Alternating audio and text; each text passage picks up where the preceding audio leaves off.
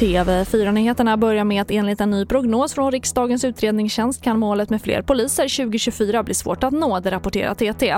Regeringens mål är att Polismyndigheten ska ha 10 000 fler anställda 2024 jämfört med 2015 och det handlar om både poliser och civil personal. Och prognosen bygger bland annat på de senaste årens antalet studenter på polisutbildningen och pensionsavgångar.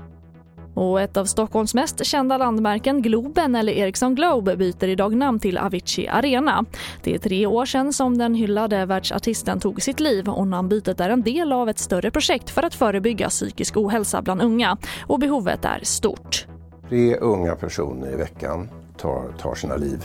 Det, det är alltså en ganska, eh, det är en väldigt allvarlig siffra.